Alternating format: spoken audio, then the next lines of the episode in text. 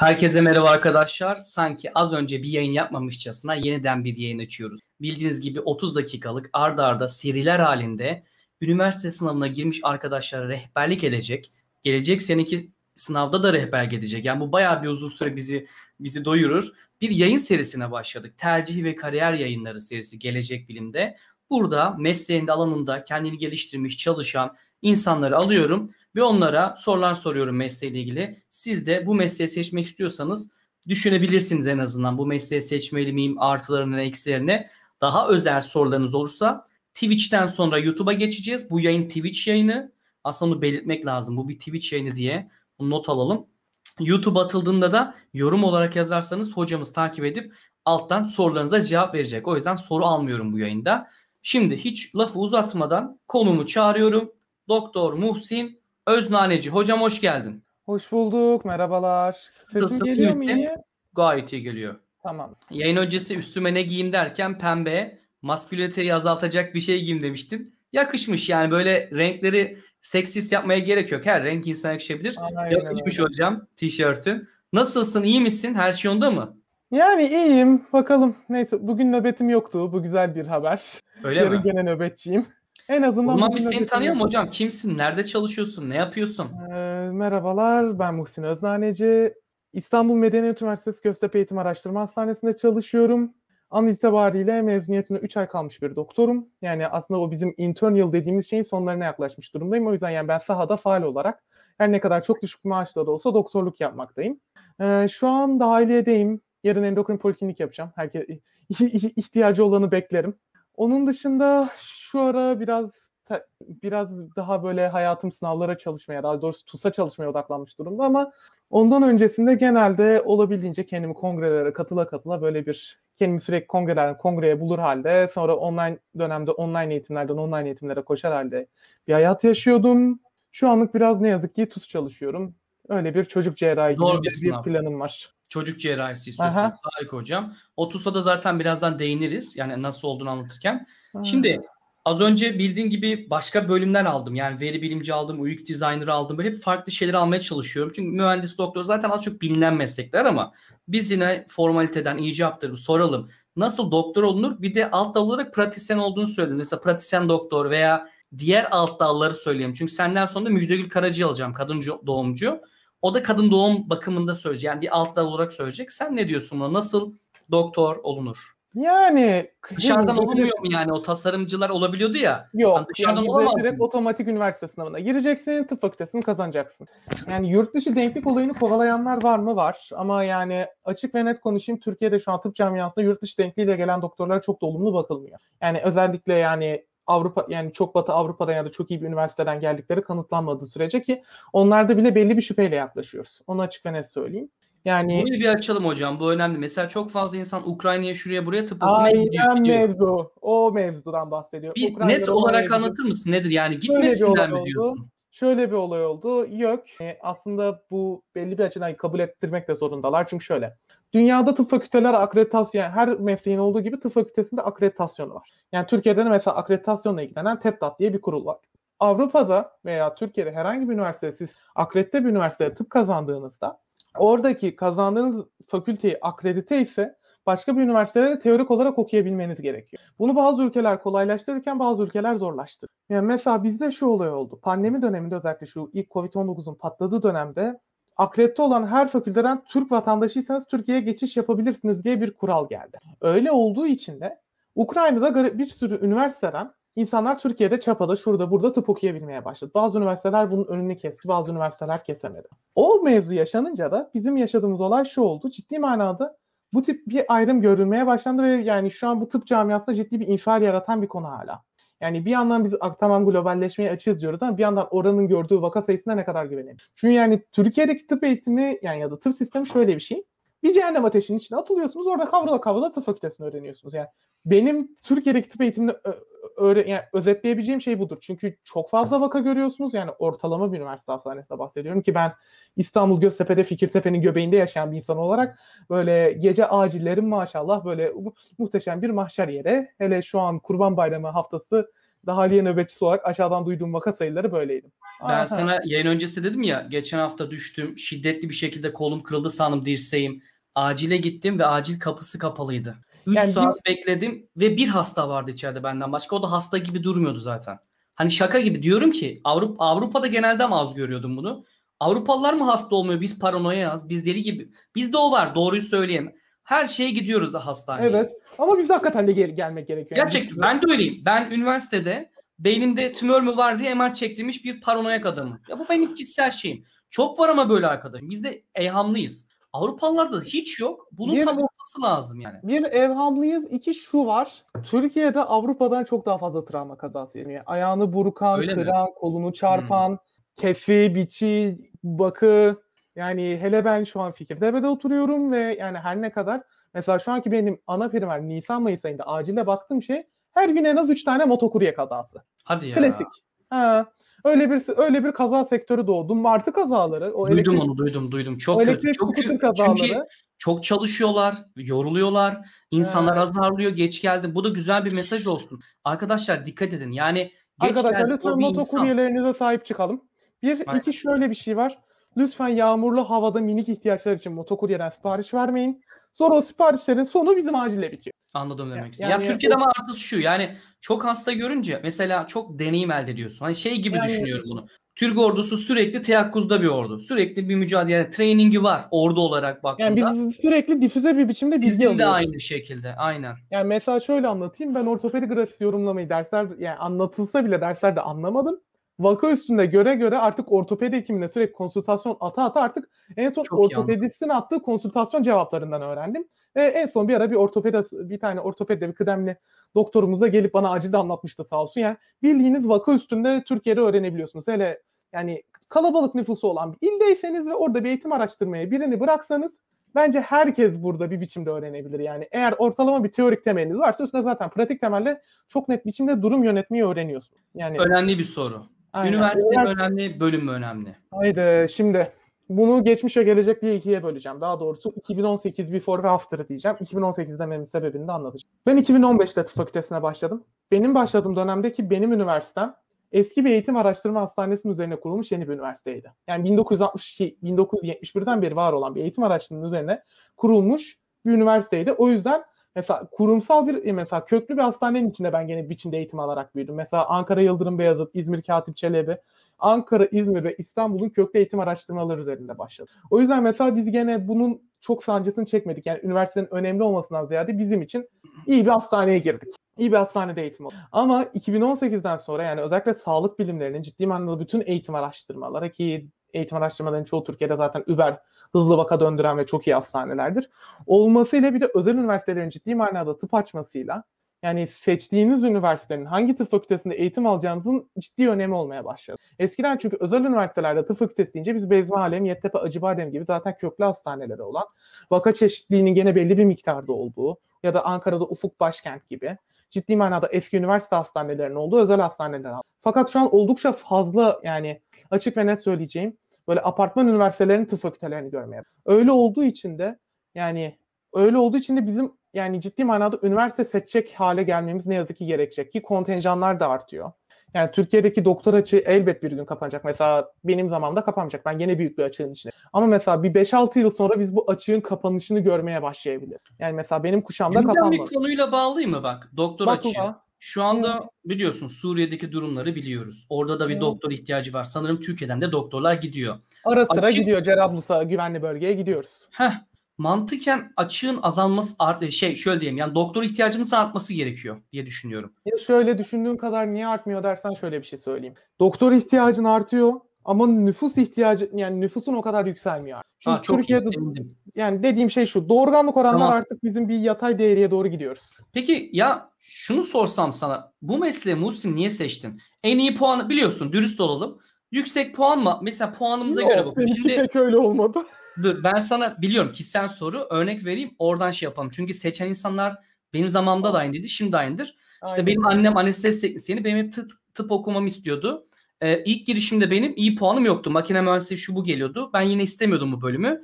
Dedim ki ikinci defa girelim. Tıp hedefliyordum ben de. Hatta Benim masa lambam vardı böyle penguen şeyli burunlu. Orada Hacettepe tıp yazar. Ama Ay bir dakika biliyorum o lambaları ben de. biliyorsun değil mi? Şöyle böyle dümdüz bir lamba kapanır. Penguen kapı şeyi. Ama ben hiç şunu düşünmedim. Ben gerçekten tıp istiyor muyum? Ben bilim insanı olmak istiyordum. Ama tıp şeyinde değil. Ve şu an diyorum ki ilk üç tıp da nasıl biliyor musun? Hacet, Yozgat tıp, Çorum tıp. Hani şansa gelirse diyor. Çünkü bizim zamanımızın bir dedikodusu vardır. Katütüpa 80 binlerine girilmiş. Teoride girilebilir bu arada. Yani yazmazsa biri 80 bininci adam yazsa girilebilir. Öyle bir hikayeden geliyor bu. Ha tabii o bizim dönemimizde. Şu an dediğim şey şu. Yoktu. İyi ki tıp okumamışım. Çünkü ben gerçekten o kitapları okuyacak, oradaki şeyleri ezberleyebilecek biri değilim. Bu demiyorum ki yani iyidir kötüdür. Sen bunu niye yazdın? Yani ne tavsiye ediyorsun? Yani benim tıp yazışım çok ilginç bir hikayedir ya. ya şöyle bir hikaye. Yani benim daha doğrusu tıptan ziyade şöyle bir ilgim vardı. Ben biyolojiyi severim. Yani biyolojide dediğim sadece. Ben de seviyorum canım. O Yani ayrı. genel kainat biyolojisinden ziyade mikrobiyolojiden immünolojiye, canlıların bilimine kadar sevdiğim bir şey. Tamam. Ki ben şöyle başladım mesela. Tıp benim için şöyle bir başladı. Ben 9. sınıfta o özellikle o 2012-2013 dönemi TÜBİTAK olimpiyatlarındaki şa- bahtsız tiplerden biriydim. Biyoloji olimpiyatlarına gir. O dönem ben şunu fark ettim. Ben laboratuvarda çalış yani ben laboratuvar işi yapmak istiyorum ama istediğim hakkı alan hakikaten bir temel bilim mi, bir moleküler biyoloji genetik gibi sürekli bir şey yapacağım bilim mi? Yoksa daha insanlarla ilişki kuracağım bir şey. Öyle olunca biraz daha lisedeki biyoloji öğretmenim Ayşe Acar kendisine buradan selam olsun. Bu, bu yayını görürse. Yani onu o o kadar çok yönlendirdi ki beni bu konuda hani dedi yani sen hakikaten de eminsen tamam git MBG yaz ama sen hakikaten bunu istiyor musun? Çünkü o da bölüm mezunuydu. Bizde biyoloji öğretmeni. Yani kendisi biyoloji bölüm mezunuydu. Öyle olunca benim de aklım tıpa kaymaya başladı. Ve sonra sınav da iyi gelince hatta böyle diyordum ki hadi sınav kötü gelse belki MBG yazarım bir daha çünkü bu sınava girmek istemiyorum. Sınav notum da kötü gelmedi. 5000'lerde bir şey. Öyle olunca hadi dedik tıp yazalım. Öyle olunca da hatta İstanbul'da ben tıp gelir gelmez bilmiyorum. Böyle bütün yazmışım medeniyetle. Son çare İstanbul'da medeniyet geldi. Sonra tıp okumaya başladım. Yani benimki çok böyle haybeden uybeye giden ve şu an iyi ki de bu haybeden uybeye yaşamışım dediğim çünkü başka bir şey yapamayacağımı anladım süreç içinde. Yani bağımlılık gibi bir şey yani cidden böyle kendim böyle ara sıra bağımlı gibi hissediyorum. Böyle uyaran bir madde bağımlılığım var çünkü ben bu uyaran olmadan yaşayamıyorum. Böyle bir sıkıntımız var. Yani aslında yine söyleyeyim. Tam mesela ben şunu demem gibi bir şey oldu. Ben niye elektrik elektronik seçtim? Ben fiziği seviyorum. Bu yüzden hayır. Yani mantıklı bir şey değil. Sen aslında biyolojiyi seviyormuşsun, mikrobiyolojiyi. Evet. Mesela niye bu bölümü okumadın? Yani bu bölümü okusan belki daha mutlu olacaktın. Yok şöyle anlatayım. Ben birinci sınıfa genetik isteyerek girdim. Tıbbi genetik uzmanı olacağım laboratuvarda. Daha genetik çalışacağım. Yani tıbbi genetikçi olacağım. Hani daha klinik bir laboratuvarım olacak ama gene laboratuvarda olacak. Sonra ben laboratuvarda çalıştım. Ve şöyle bir şey fark ettim ki ben laboratuvardan nefret ediyorum. Çünkü çok monoton bir hayatı var. Ve bana kan, ter, gözyaşı ve aksiyon. Ondan sonra Ulan nöroloji- Welcome to tıp abi. Şaka bir yana şunu da eleştirelim. Yani doktorların o maruz kaldığı muamele, işte acil serviste o görülen Yani yaralanmalar. o da doktor- değil.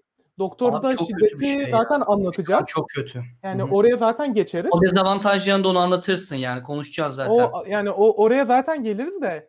Hatta yani tam şey- ona getireceğim bir nokta soru geldi zaten. Yani bu mesleği Yani- sen seçtin ya artısı eksisi mesela maaşı iyi diyorlardı eskiden o yüzden çok seçiliyordu doğruya doğru Öyle, saygınlığı maaşıyla ilgili hala şu vardır yani tıp fakültesinde çok eski bir doktordan duyduğum bir değiştir. Seni aç bırakmaz ama zengin de yapmaz. Yani tıp fakültesinde bence zengin olmak eğer siz cidden etik olarak çalışan bir insansanız çok mümkün bir şey değil. Tamam sizi aç bırakmaz cidden. Yani tıp fakültesinde ortalama iyi kötü bir maaş alırsınız. Ama über zengin olabilir misiniz derseniz o da bir soru işareti hayır. Yani eğer çok isim yapmış bir cerrah olacaksınız ya da ciddi manada kendinizi plastik estetik işine vereceksiniz ya da yani bu tip bir o tip bir isim yapma rolüne gitmeyeceksiniz. Daha böyle kendim takılayım, bir uzman olayım, akademik yayın yapayım diyorsanız öyle über büyük paralar kazanılmıyor. Yani kötü paralar kazanılmıyor ama ultra über büyük seviyede paralar kazanan da olmuyor. Yani ben kendi fakültedeki hocalarımdan, kendi yaşam stillerinden. Ki yani Peki, İstanbul'da Dezavantaj olarak ne gösterebilirsin? ya şöyle bir şey söyleyebilirim. Bir, Türkiye'de sağlıkta şiddet zaten ayrıca açılacak. Yani üzerine saatlerce yayın yapılacak ve tartışılması gereken bir. Yani ben Göztepe'de çalışıyorum. Yani benim hayatımın en büyük şanslarından biri olabilir. Yani Fikirtepe'nin Fikirtepe'nin eşrafı bile yani belli bir medeniyet seviyesinde oldukları için yani ben bunu paradan veya gelir seviyesinden çok bağımsız söylüyorum. Ve ben Göztepe'nin ortasında şu an ah, doktorluk yaptığım için mesela biz bu olayları belki perifer mesela perifer Anadolu'ya göre çok daha az yaşıyoruz. Yani çok daha az beyaz kod veriyoruz veya çok yani ben şu ana kadar sanırım bir kere beyaz kod verdim. Yani o da beyaz kod verme sebebim de böyle bir şiddetten ziyade şöyle bir şeydi. Hastanın kendinden kontrolsüz bir sebeple agresif olmasıydı. Yani işin altında metabolik bir durumun çıkmasıydı. Yani ben bu konuda çok şanslıyım ama yakından gördüğüm hatta kendi hastanemde tanık olduğum ve direkt yani şahit olarak bulunduğum beyaz kodlarda oldu. Onun dışında dezavantajı Türkiye'de bence en büyük dezavantajından. Çok ciddi bir yani Türkiye'de sağlık sistemini bir sistem yürütmüyor. Sağlık sistemini aha bu yazan kim bilmiyorum ama çok doğru bir şey. Yani sağlık sistemi sen alta okuma, sen odaklan. Evet. Yani sağlık sistemini den ziyade şöyle bir şey var. Sağlık sistemi Türkiye'de sistem yürütmüyor. Sağlık sistemini sağlık çalışanları yürütüyor. Evet, evet. Yani Türkiye'de öyle bir olay var. Çünkü Türkiye'de sağlık sistemi bir sistem. Tam, olay, ha, tam bak onu diyeceğim. Biz hep şey yani deniliyor ya Türkiye'nin sağlık sistemi hayır. Türkiye'nin sağlık sistemi çok iyi değil. Doktorlarımız çok iyi ve fedakar. Türkiye'nin sağlık sistemi Burada nasıl? Sana dediğim gibi ben apandis ameliyatı da oldum Polonya'da 3-4 yıl geçti. 7-8 saatten fazla acilde acı içinde bekliyorum. Adam umurunda değil. En son dedim ki ben öleceksem öleyim ben gidiyorum dedim. Kağıt getirdi bana. Hani imzalarsam sorumluluğunu atıyor sanırım. Tahmin ettim yani. Evet. evet ölürsem bana ne diyor? Yani bak bu neyle alakalı? Sorumluluk ve orada fedakarlık ki adam da haklı çünkü az maaş ödüyorlar dok sayı başına. Mesela 5 hasta bakmaya para ödüyor. Adam diyor ki niye 6.'yı bakayım ama Türkiye'de böyle bir şey yok. Sağ olsun doktorlarımız ya Gerçekten şey emekçilerimiz, hemşirelerimiz hepsi bu, çok emekli. Bir etiko-legal de bir mevzu. Yani bu sırf sadece şey değil. Mesela Akdeniz ülkelerine de gidelim. İtalya, İspanya, Fransa. Hmm. Bu biraz... Covid dönemi ben de onu hissettim. Bu çalışanların o şeyini Akdeniz'de, Akdeniz Fransa'da, İtalya'da... Çünkü şöyle evet. bir şey var. Bizde biz şunu öğrenerek çıkıyoruz. Sağ, bizim baktığımız hastalar anamız olabilir, bacımız ha. olabilir, arkadaşımız olabilir, sevdiğimiz biri olabilir biz buna karşı nasıl bir vaziyet olur? Yani mesela o yüzden mesela biz hiçbir apandisit hastasını mesela tamam apandisit hastası bu arada 7-8 saatte bekleyebilir. Yani öncelikle onun tıbben bir yanlış tarafı yok. Önce bir onu söyleyeyim. Yok da çok evet. acıdı be Muhsin işte yani. acı işte perfor olmadığı tanıda, sürece. Tanıda şöyle bir algoritma var. Hissiyat kullanmıyorlar. Bak en son şöyle oldu. Dedi ki bir doktor daha gelecek bekle dedi. Bastırıp çekersin ya belli olur ya. Aa, Şimdi kana karışmadığı için kanda anlamadılar. Ultrasonda anlamadılar. Patlamamıştı büyük ihtimal işte enfeksiyon oluştu, tıkandı, iki kere daha almıştı. Türkiye'de şöyle oluyordu. Kas gevşetici verip gönderiyorlardı beni. Rahatlıyordum patlamadığı için. Burada adam en son dokundu çekti. Biraz hissiyatını kullan dedik ameliyat etmemiz lazım. Bence orada hissiyatını kullandı. Bunu eminim. Mesela daha sonra karın fıtığım oluştu. Karnımda hafif bir şişlik oluştu. Onu da anlayamadılar. 3-4 saat ona bekledim. Türkiye'de annemin yanına gittim doktora. Göbeklerime dokunu çekti. Hülya dedi bu karın fıtığı şöyle şöyle. Bak bir saniye tanı. Ya çünkü şöyle yani, bir şey. Türkiye'de biz şunu öğreniyoruz. dediğin gibi başta bak. Görmeyi bırakın şu var. Türkiye'de biz şunu öğreniriz. Anamnez, fizik muayene her şeyin başında başlar. Yani sizin bir algoritmanız olabilir. Algoritma güzel bir şeydir. Benim de algoritmam var. Yani sonuçta o kadar bilgiyi e, beyninizin bir yerine doldururken tabii, tabii, algoritmaya tabii. ihtiyacımız var. Ancak şöyle bir şey. Yani algoritmanın yanı sıra böyle şimdi yani umarım ben bir acil hatta bir acil uzmanına yazacağım. Tutku abla var Twitter'dan da biliyorsun. Yani onun dediği sans klinik diye bir şey var ki Türk bir kavramdır da bu. Yani cidden klinik içgörü Türk tıbbını bayağı özetleyen bir şey. Çünkü şu oluyor. Yani benim var ya çocuk hastalardan böyle ya bu sağla ya bunun hiçbir şey yok gibi görünüyor parametrelerde ama içim rahat etmiyor. Hadi bir şey daha isteyeyim bir iki saat daha dur. Ciddiyim öyle dediğim hasta var sonra altından bir şey çıkıyor. Bir anda durum bir yere evriliyor. Yani bunu diyoruz çünkü niye bilmiyorum ben böyle. Yani ben kıdemlerimle kavga ettiğimi hatırlıyorum böyle acilde çocuk hastalara. Ya ben bunu beğenmedim biraz daha dur. Mobbing geldi aklıma. Türkiye'de dürüst olabilirsin. Mobbing yedin mi ya da gördün mü? Sağlıkta çok oluyor. Gördüm. Dezavantajlardan birisi. Gördüm, yedim. Ama şöyle bir şey var. Çünkü şunu söyleyeyim tıp tıp e, sektörü askeri bir sistem gibidir değil mi bildiğim tıp, kadarıyla yani. Tıp sektörü askeri bir sistem gibidir. Ya ben kendi çok şanslıyım. Ben Göztepe yani mobbingin çok yeni minimal olduğu hastanelerden birindeyim. Ama yani mobbing denen şeyi gördüm mü gördüm, yedim mi yedim. Hmm. yani ama tıpta şöyle de bir şey. Mobbingle o anki anın enerjisinde gerekiyor. Çünkü şöyle bir şey. Ameliyat herkes birbirine bağırır. Yani ben ameliyat anında böyle ne bağırışlar olduğunu, milletin ne birbirine küfürler ettiğini biliyorum. Yapma Ama ya. sonra biz o ameliyattan bir anda çıkarız. Hadi kahve içmeye gidelim. Çünkü o an herkes bir gerilmiştir. Herkes bir küfür ederek rahatlıyordur. Yani çünkü resmen bildiğin şey yaşıyorsun böyle ameliyatta. Böyle ufak çap böyle uf, böyle ufak çaplı e, şey konseri gibi, heavy metal konseri gibi bir ruh halin oluyor. Herkes korkunç sinirli. Herkes bir an bir hele ameliyat tercih Zaman stres seviyesi yüksek bir meslek diyebiliriz. Herkes Yoksa her birbirine... bölümde değil mi öyle? Her bölümde değil. Mesela cerrahi her bölüm aslında doktorluğun stresi yüksek. Yani bir biyokimyacı, mikrobiyolog gibi işin arka tarafında çalışmıyorsanız yüksek. Yani bir klinik tanı koymak zorundaysanız her Ya zaman bir göz doktoru yüksek. diyelim ya da daha göz de demeyelim. Daha böyle dermatolojinin stres yüksek midir mesela? Neyle uğraştığınıza bağlı olarak dermatolojide bence yüksek olabilir. Yani bir dermatoloji yani bir tümörcüyseniz, bir onkoloji hastasıyla ilgili tümörcüyseniz, bir Estetik. Bilerekten soruyorum farklı Ha, alanları. estetik. Estetik işlerin şöyle bir şey var. Bence her girişimsel işlemin bir stres vardır. Tamam tabii ki bir Yüz nakli yapıyorsan Ömer Özkan İşte gibi tabii, mesela evet, çok, o riskli. çok bir tanesi tutmadı ölmüştü mesela. Kötü bir Mesela hissiyat. çünkü şöyle HLA reddi o. Yani beklenen bir komplikasyondu. Tamam Hmm. çok kötü bir şeydi. İnanılmaz kötü bir olaydı ve belki çok kötü bir tabloyla o kişi öldü. O kişinin vefat haberini verdi. Ama her organ nakli, kan naklinle bile doku reddi bekleyebilirsiniz. Bak Pertina diyor ki doktorluktan soğudum Muhsin Hocam sağ. Ay çok iyi. ya. Yani bu ne yazık ki beklenen bir şey ya. Yani en Muhsin basit benim de kafam karıştı. Güzel bir meslek mi kötü mü? ama güzel bari. Abi şöyle başta şey kan seviyorum, şiddet seviyorum, bir şey seviyorum dedin. Ameliyatta küfür ediyoruz falan dedim. Böyle hani ben şey hissettim. Yani geldim- ben bak yaşanıyor. Yaşanmayan ameliyatlar da var. Çok huzurlu geçen 15 dakikada olan ameliyatlar da var. Böyle maşallah 3-4 saat için herkesin birbirine sövdüğü. Sonra herkesin çıkınca mutluca hele hasta iyi çıkmışsa çok rahatladı ve sonra hep birlikte ellerinize sağlık deyip çay kahve içmeye gittiğimiz anlar. Yani şunu sorayım o zaman. Zaman azalıyor o yüzden. Yoksa sohbetine doyum olmaz. 6 dakikam var. Dünyaya tekrardan gelsen samimiyetinle söyle bunu. Yine bu mesleği seçer misin yoksa yazılımcı mı olursun? Sende tam yazılımcı şeyi var ha. Ay kafa- tövbe no. Ay asla hayır. Allah'ım no. Hayır hayır hayır. Ya, bir yazılım, bilgisayar, mühendislik o kadar benden uzak şeyler ki. Tamam baterist Yani diyelim. Ne bileyim yani. İyi ki diyor musun? Yine bunu Ya iyi, seçer ki, misin? ya iyi ki diyorum diye dediğimi bilmiyorum ama iyi ki diyorum. Allah Yani Allah. niye dediğime dair hiçbir fikrim yok. Yani o kadar hiçbir Abi mazoşist olabilir misin? Kendi acı çektirmeyi. Yani bir tık herhalde bu arada arkamdaki kitapları sorana söyleyeyim. Şu arkamdaki bunların hepsi tıp kitabı. Daha şu rafta da 2-3 raf var. Şurada da birkaç tıp Hepsini kitabı falan okudun mu gerçekten? Okuyor musun Ee, ya da okumaz şöyle mısın? anlatayım. Şuradaki kitapların bazıları kaynak kitap. Daha çok aramak için, bir şeyler aramak için baktım ama şu kalın mavi Robinson tamamını okumuşumdur. Mesela Guyton'ın tamamını okudum. Yukarıda bir kahverengi ciltli olan. Hatta şu an çantamda bir Dahiliye kitabıyla geziyorum. Dahiliye'deyim çünkü. Yani bir şey aramam gerekirse. Okumayı çok yapmak lazım o zaman. Yani bu bölümü Yani yapmak şöyle. zorundasın. Şimdi bu mesleği yani doktor olacak insanlara samimi bir tavsiye istiyorum. Dil Şimdi öğrenin. Dil, sınavlar- değil ve değil. Dil ve dil. Yani Dil bu- ve dil mi? dil. Yani yurt dışında çalışmak Dil için ve de dil. Ha. Yurt dışında çalışmak için demiyorum bunu. Abi şu an zaten Almanya Telegram grubu var. Doktorların çoğu ben yani, de varım içinde. 8200 kişi falanız şu an. yani üzülsem mi, sevinsem mi de bilemiyorum. Onlar da haklı.